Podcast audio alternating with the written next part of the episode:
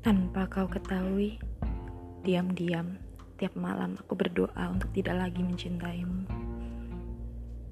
Namun, keesokan harinya di tiap bertemu, dengan sialnya aku justru semakin mencintaimu.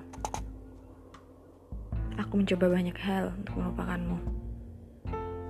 Namun di tiap pulang dan memujam, wajahmu yang paling pertama hadir di pikiranku. Aku menahan diri untuk tidak bertemu denganmu. Namun di tiap mendengar teman-teman berkata kau akan hadir, dengan brengseknya hatiku tiba-tiba merasakan letupan bahagia. Bagaimana ini? Aku tahu semua ini salah.